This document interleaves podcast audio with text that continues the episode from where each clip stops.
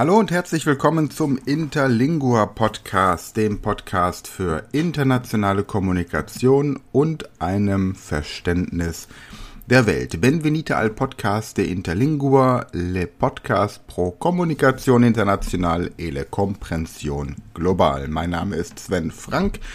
Ich bin Inhaber der Speed Learning Academy und der Speed Learning School, wo wir Interlingua als Fremdsprachenkunde unterrichten ab der ersten Klasse. Mi nomine es Sven Frank, yo es le director del Speed Learning Academy, esto es in inglese pro Academia de Apprendimento Rapide e le director del Speed Learning School, esto es inglese pro Scola de Apprendimento Rapide, ubi nos insegna le lingua interlingua pro comprender le linguas estranje melior able prime Klasse. Und wir haben ja noch ein paar Lektionen, zehn um genau zu sein, in unserem Sprachkurs von Ingvar Stenström, Instrumento Moderne de Kommunikation International, Interlingua. Der Link zu diesem Werk, den findet ihr wie immer in der Podcast-Beschreibung. Und wir machen weiter mit Lektion 20. Lektion Vinti, vintesime Lektion. Ich lese den Text wieder vor und anschließend gehen wir dann direkt zu den nächsten Lektionen, denn mittlerweile sollten eure Interlingua-Kenntnisse ausreichen, um die Texte soweit zu verstehen. Und ab der nächsten Podcast-Folge werden wir dann tatsächlich auch Sprecher des Interlingua in diesem Podcast erleben. In un hotel e un ristorante. Arrivate al urbe del congresso che ha tamben un grande porto e es molto frequentate per estranjeros, Hugo hasta a su hotel. Bon dia, señor, e benvenite a nos. Bon dia.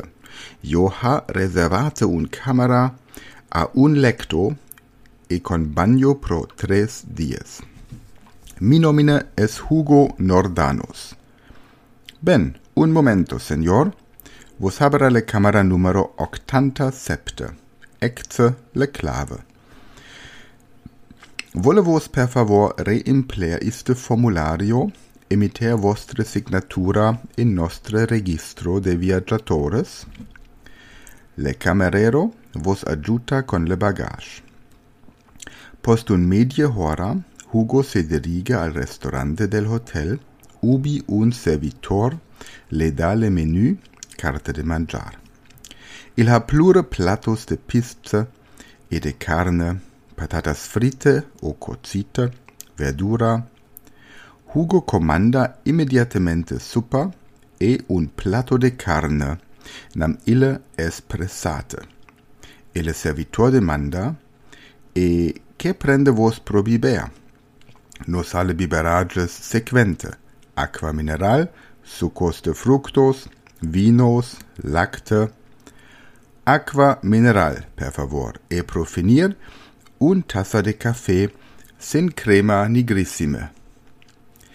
Un servitrice, servitrice comencia poner le platos, un vitro, un cultello, un forchetta e un coclea, e tosto, certo, intra un hora, Hugo habera su dinar. Wieder die Fragen. Questiones. Che significa in interlingua e in vostre proprie lingua le sequente vocabulos italian? Cucchiaio, forchetta, piatto, coltello.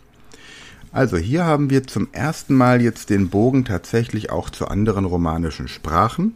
Wir haben den cucchiaio, den Löffel, die forchetta, die Gabel, piatto, den Teller und coltello, das Messer. Und Interlingua öffnet den Raum zu diesen verschiedenen Wörtern.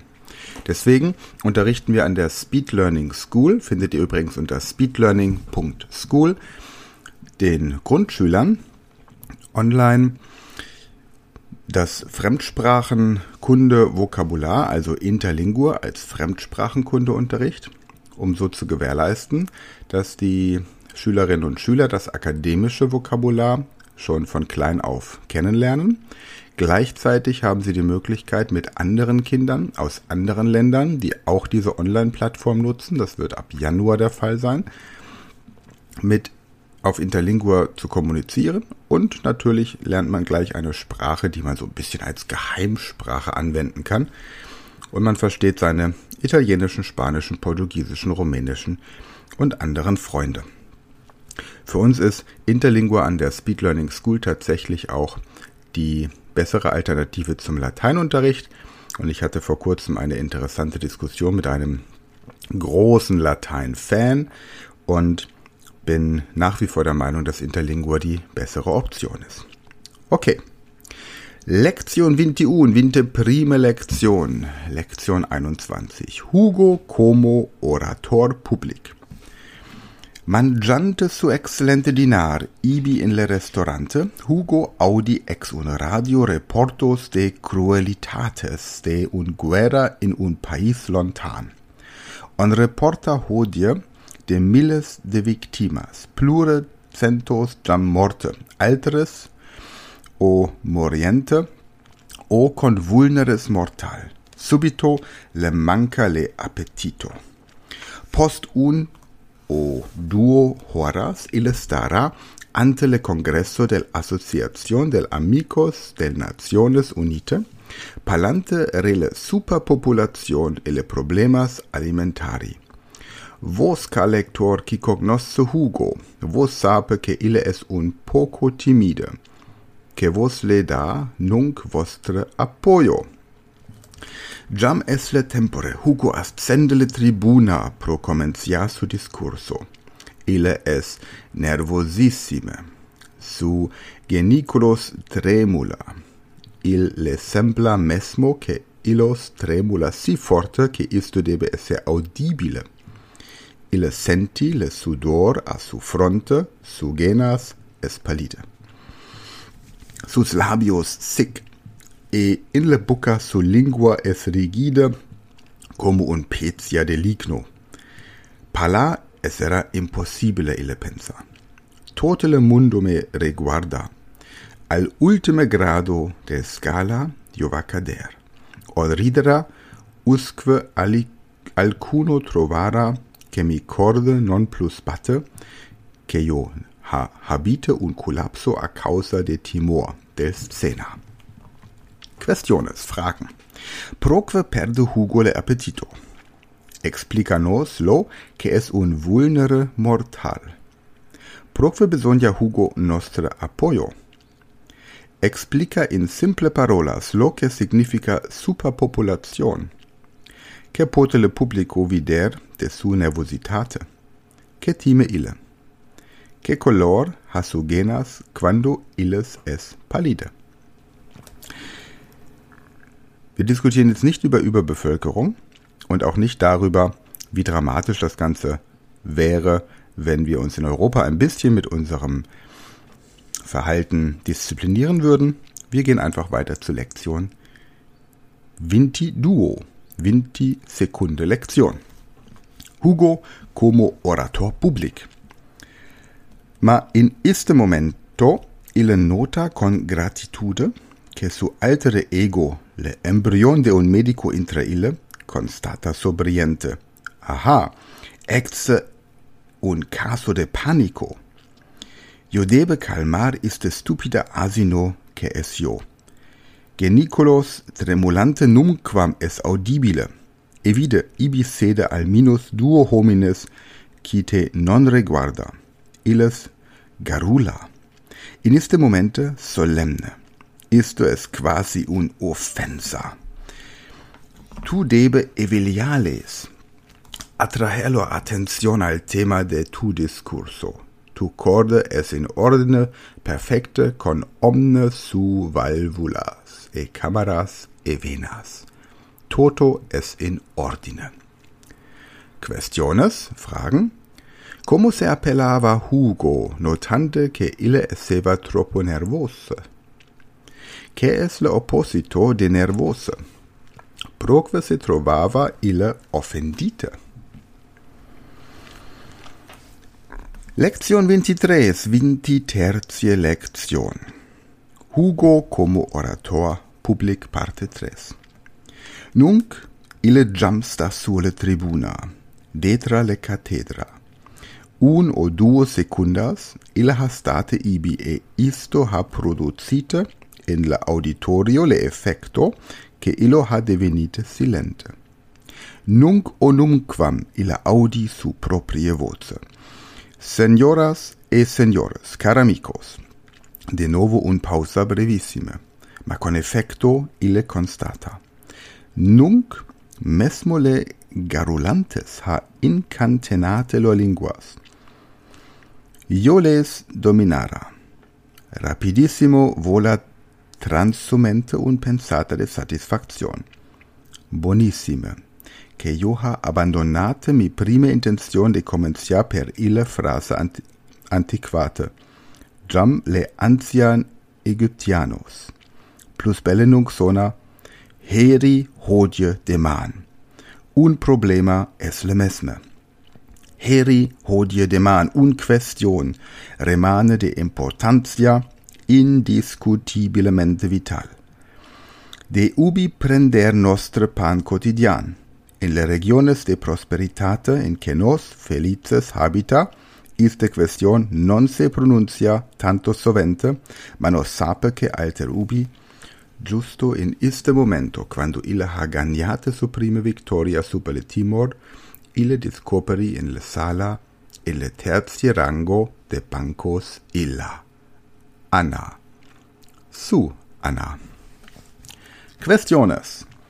Ille stava alcun secundas sulle tribuna sin pala. Proque. Como se appella un homine qui ha ganiate un victoria?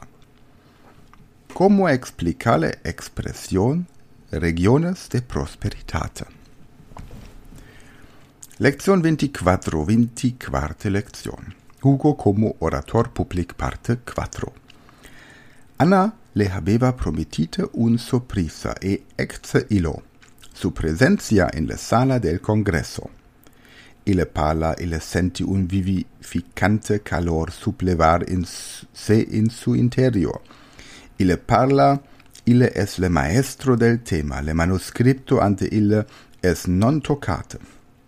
Su voce se leva e se bassa. Ille lo sona como un instrumento musical. Illo es portator de sus sentimentos, de sus argumentos, Ille parla nunc a illa sol. Le altres, le criticos, le collegas, qui forsan le deridera, non importa plus, non existe. Il es evidente che le publico se ha tornate in favor de su ideas. Illo sede captivate del ardor e del brillante argumentazione del giuveno sulle tribuna. Ma subito un pensata le frappa come un fulmine. Io pensa che io parla a illa, durante che illa non comprende un singole parola de mi lingua maternal. Nunc illa ha arrivate al fin de su discurso. Le pausetta quando le fulmine frappava esseva appena remarcabile. Ille fini per un appello acceptate con applauso forte e plen de simpatia. Tamben Anna applaude longe, forte e entusiasticamente. Questiones. Como Anna le sorprendeva? Esque le facto che Anna esseva in la auditorio le ha facite plus nervosa? Tamben Anna applaude proque crede vos. Damit wäre die Geschichte um Hugo como Orator abgeschlossen. Wir kommen zur Lektion Vinti Cinque, Vinte Quinte Lektion, le prime nive. L'autumno tosto va transir in hiberno. Le arbores stanude, jam de post longe tempore disfoliate. Iles un vespere autumnal, un vespere de autumno tarde. Hugo e Anna ha passate le ecclesia e nunc se promena attraverso le parco. Le aere es fresc. Durante tote le die le celo habeva essito obscur, e nunc on pote vider ni le luna ni le stellas. Le autumno me paru un tempore triste, dice Anna. Si gris e pluviosa. Tamben le hiberno non me place con su frigor. No. Tamben a me ilo non gusta multo, consenti Hugo. Ma le natura debe dormia. E pensa a isto, le hiberno precede le primavera, con su flores e odores, e poste avveni le estate calide, con sol e belle tempore sempre sempre. Al pluvias estive, che non es si infrequente, illes non pensa.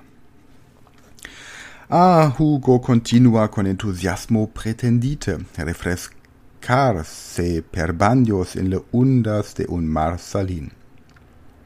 Anna ride. Evidentemente le autumno non facile troppo triste. No, iste autumno me sembla supportabile. Ille replica immediatamente e prendente le mano molle de sua amica. Ille ade seriosa considerante che io va hibernar e ir al incontro del primavera con te. Mano in mano illes continua lo promenada, tacente. Subito illes se arresta e torna lo facies in alto. Lentemente comencia a cader le prime nive. Illes se reguarda e lo labios se incontra teneremente in le prime baso, basio e nunc ca lector nos dice discretemente adeo a Hugo e Anna. A revider e al proxima emisión del podcast de Interlingua.